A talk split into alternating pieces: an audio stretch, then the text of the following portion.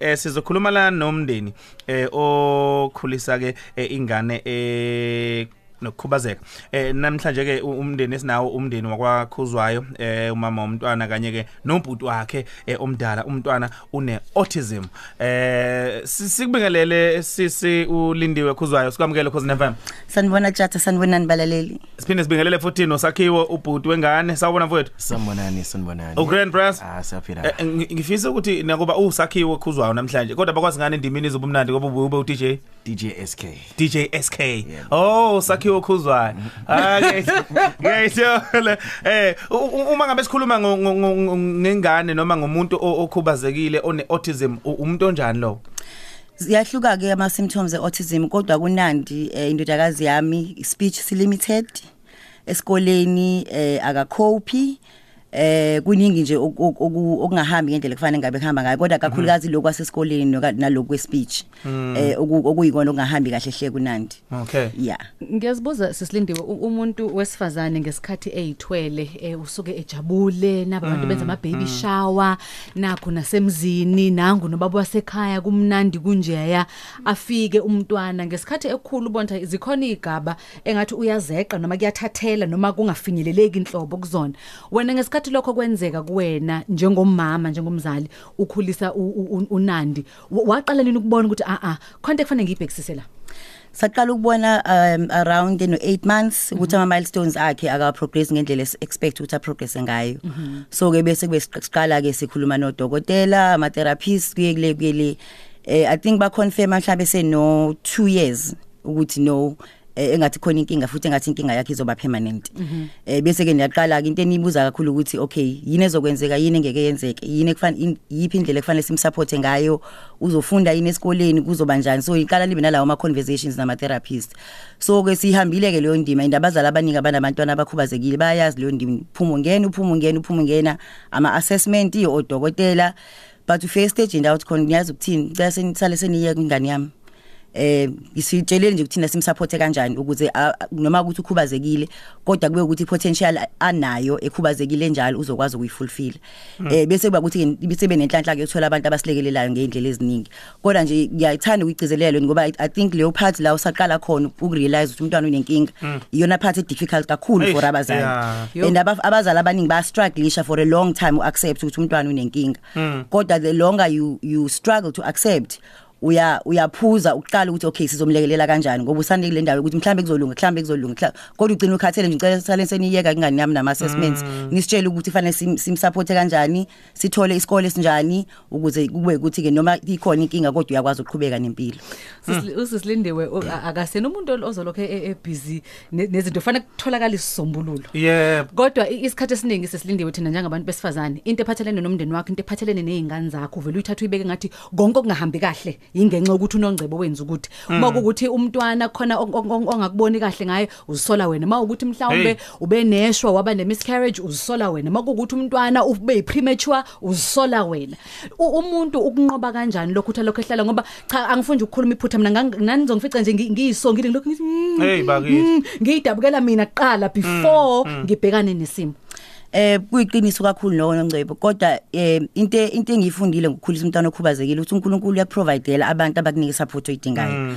So i support yomyeni wami usakha isupport ye family yakhe usakha ama in-laws am if support ye ye family yami abakithi of course ne support kasakhiwe because he's a is a big part of our household and is a big part of abantu abasupport unandi. So i support abantu abakusurroundile ibo iyona yenza umehluko. Into yenza ukuthi noma uphatheke kabi ukuthi umntwana wakho ukhubazekile. Abantu abakwenza kube wesi labantu ophila nabo. Myeni wakho abenza kube abasemzini eh abangani bakho ukuthi bamamkela kanjani umntwana wakho ukhubazekile. So uma bonke labo bantu bekusupporta uma bonke balabo bantu bemthanda lo mntwana Yeah. kuba kuba lula ukuaccept ukuthi no sibaningi esikhulisa lo mntwana kumina ngedwa kona umthwalo wami ngedwa. Kunjalo. Eh, ngi haw ucimela ugesi nasethekwini. Kumnyama. Bengaboni ah, ngi- ngi- ngino- nginodaba e- emva uh, Kwendaba. kwendaba ne- ne- no- noma kagolide engizoxoxela lona. Yeah. we- we- wekhathide into e- e ngicabanga ukuthi kuneminyaka emingaki Ah, kwaku 2011 engayizwa usilindewe eyixoxa ngo- ngosakhiwe engakaze ngikhohlwe kuze kube i- inamhlanje. Yeah. nje bekhuluma indaba yokuthi uyi- uyiphathe ngakanani yo- yoku- yokukhula kanandi Yeah. no- nomndeni nje uwonke. Ngizo- ngizokuxoxela. I- i- Alright. indaba ngempela em- emnandi kakhulu. Mm.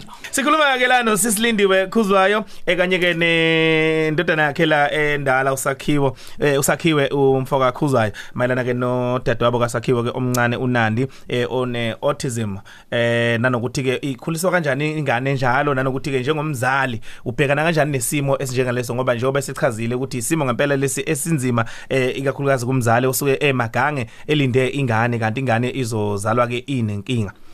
Eh kwaku 2011 mangingaphazami eh kwi anniversary eh usisilindiwe ke hayi uyibambile uyadudula la ko 20 something years manje kakhuzwayo.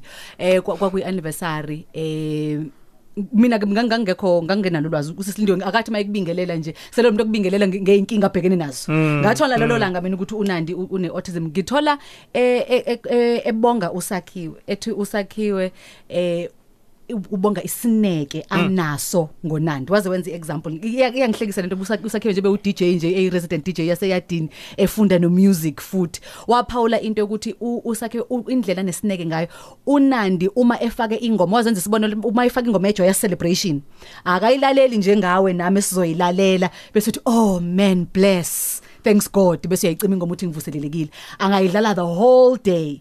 Lapha engakwazi engakwazi ukuthi ayicofelene abize usakhiwe each and every time. Hmm. athi sakhiwe ozongiphindela ingoma ayiphinde. Ngisho ngathi uyiphinda ka20 ngisho ngathi uyiphinda sonke akanankingi usakhiwe akazi ukuthetha futhi athi ayisengikhathele alokho eyiphindile leyo ngoma le. Yangithinta kakhulu angaze njengoba ngisho indaba idaba le 2011 lo kodwa ngisayikhumbula namanje. Hmm yeah nangu sakhiwe khona la. Brazo njengombuto omdala kanandi nangu unongcebo ubeka indaba la ukuthi umama wayencoma ngaleso senzo sakhe sihle kangaka sokuba nesineke eh nodadewenu omncane one autism. Ukwaze kanjani ukuthi ubhekane nesimo esinjengaleso nokumnakekela nje ngaleyo ndlela? Um hey it it it it, it all started when um when I was younger. Um I did not understand what what was the problem with the Nandi hmm.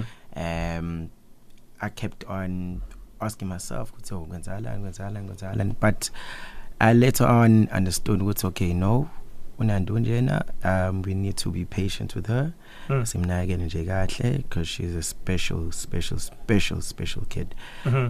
um and and yeah I've never had any problems with with, with, with, with that whatsoever mm -hmm. yes yes yes yes yes manje ke sisilindiwe wena njengomzali eh singamane sisho nje sithi eh hayi ingane zami zonke ziyalingana emehlweni nami kodwa umzali nomzali uyazi ukuthi khona la ithi mayibuka ngisho enye incinzi athi mm, hayi suka lengane yakakhuzwa yincinzelana ingane yami. Eh kodwa siyakubalansisa lokho njengabazali manje iqiniso lithi vele unandi ngisho hayi ukuthi uyifavorite hayi ukuthi akasiyona ifavorite. Iqiniso lithi uyena odinga ukuthi umnake nokuthi umnakekele kakhulu idingo zakhe.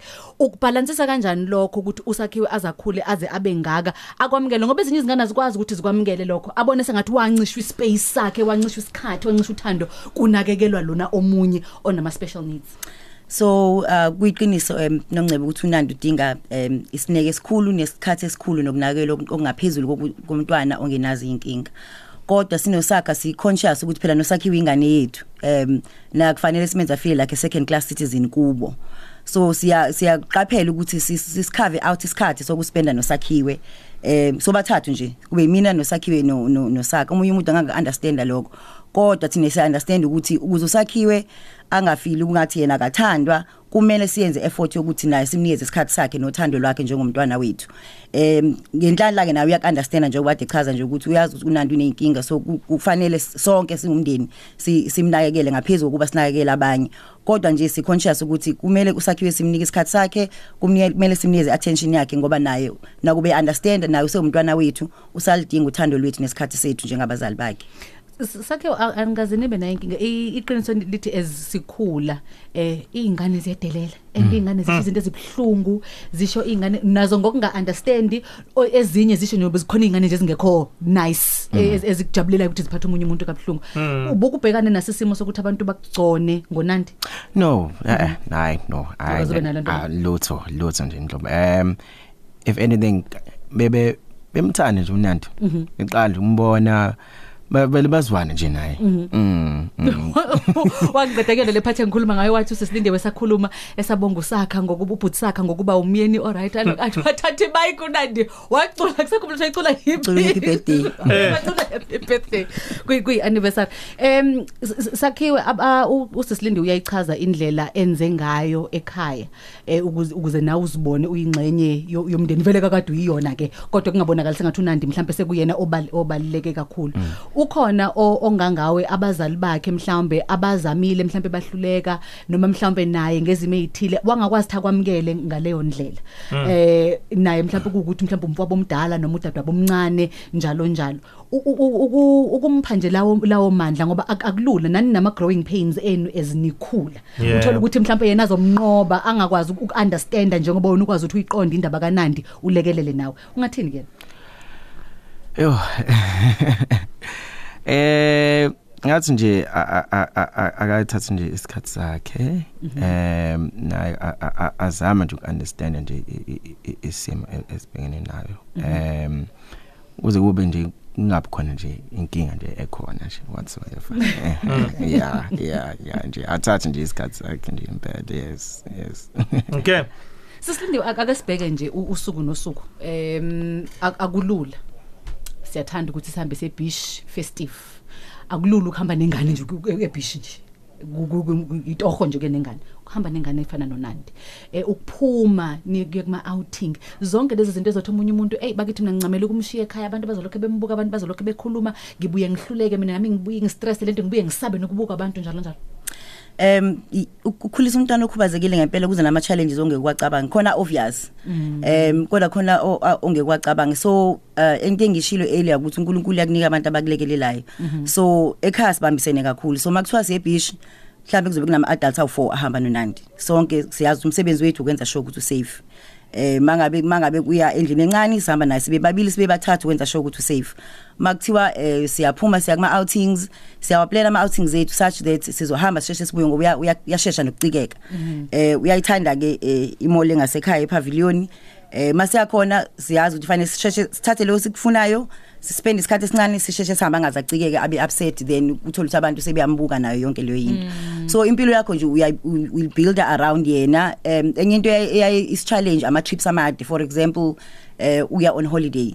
Uyakwazi ukukhopha mhlambe ne flight ye Cape Town kodwa ngiyakwazi ukukhopha ne flight ye US you know so so fanele ni plan kanjalo impilo zenu ukuthi okay sizokwazi ukwenza lokhu nonandi kodwa ngeke sikwazi ukwenza lokhu nonandi into engi- engifuna ukuyigcizelela kakhulu bazali abanabantwana abakhubazekile ukuthi impilo zenu ngayishintshi kakhulu ngoba naku nomntwana okhubazekile ngoba nizogcina se- seningamthandi kahle hle. Enye advice nje e- e- engihlala ngi- ngi- ngikhumbula njalo ebalekile sayithola no- nosaka ukuthi em impilo yeni iphileni as if umntwana wena akakhubazekile.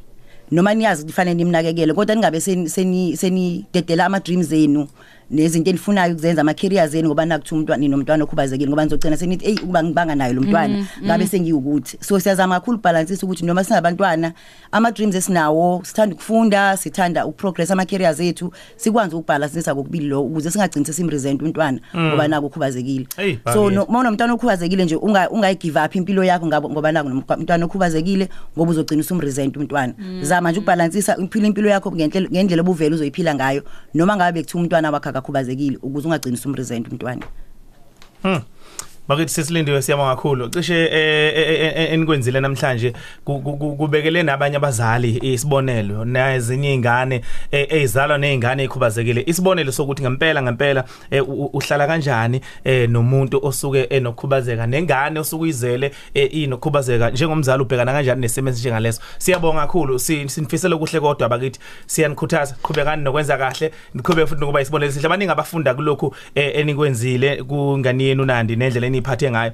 Na umbhalo engifisa ukuthi ngininikeze wona njengomphako we- weBhayibheli okusho uNkulunkulu mayelana nelezimo esibhekana nazo nokuba nabantu abakhubazekile njalo njalo.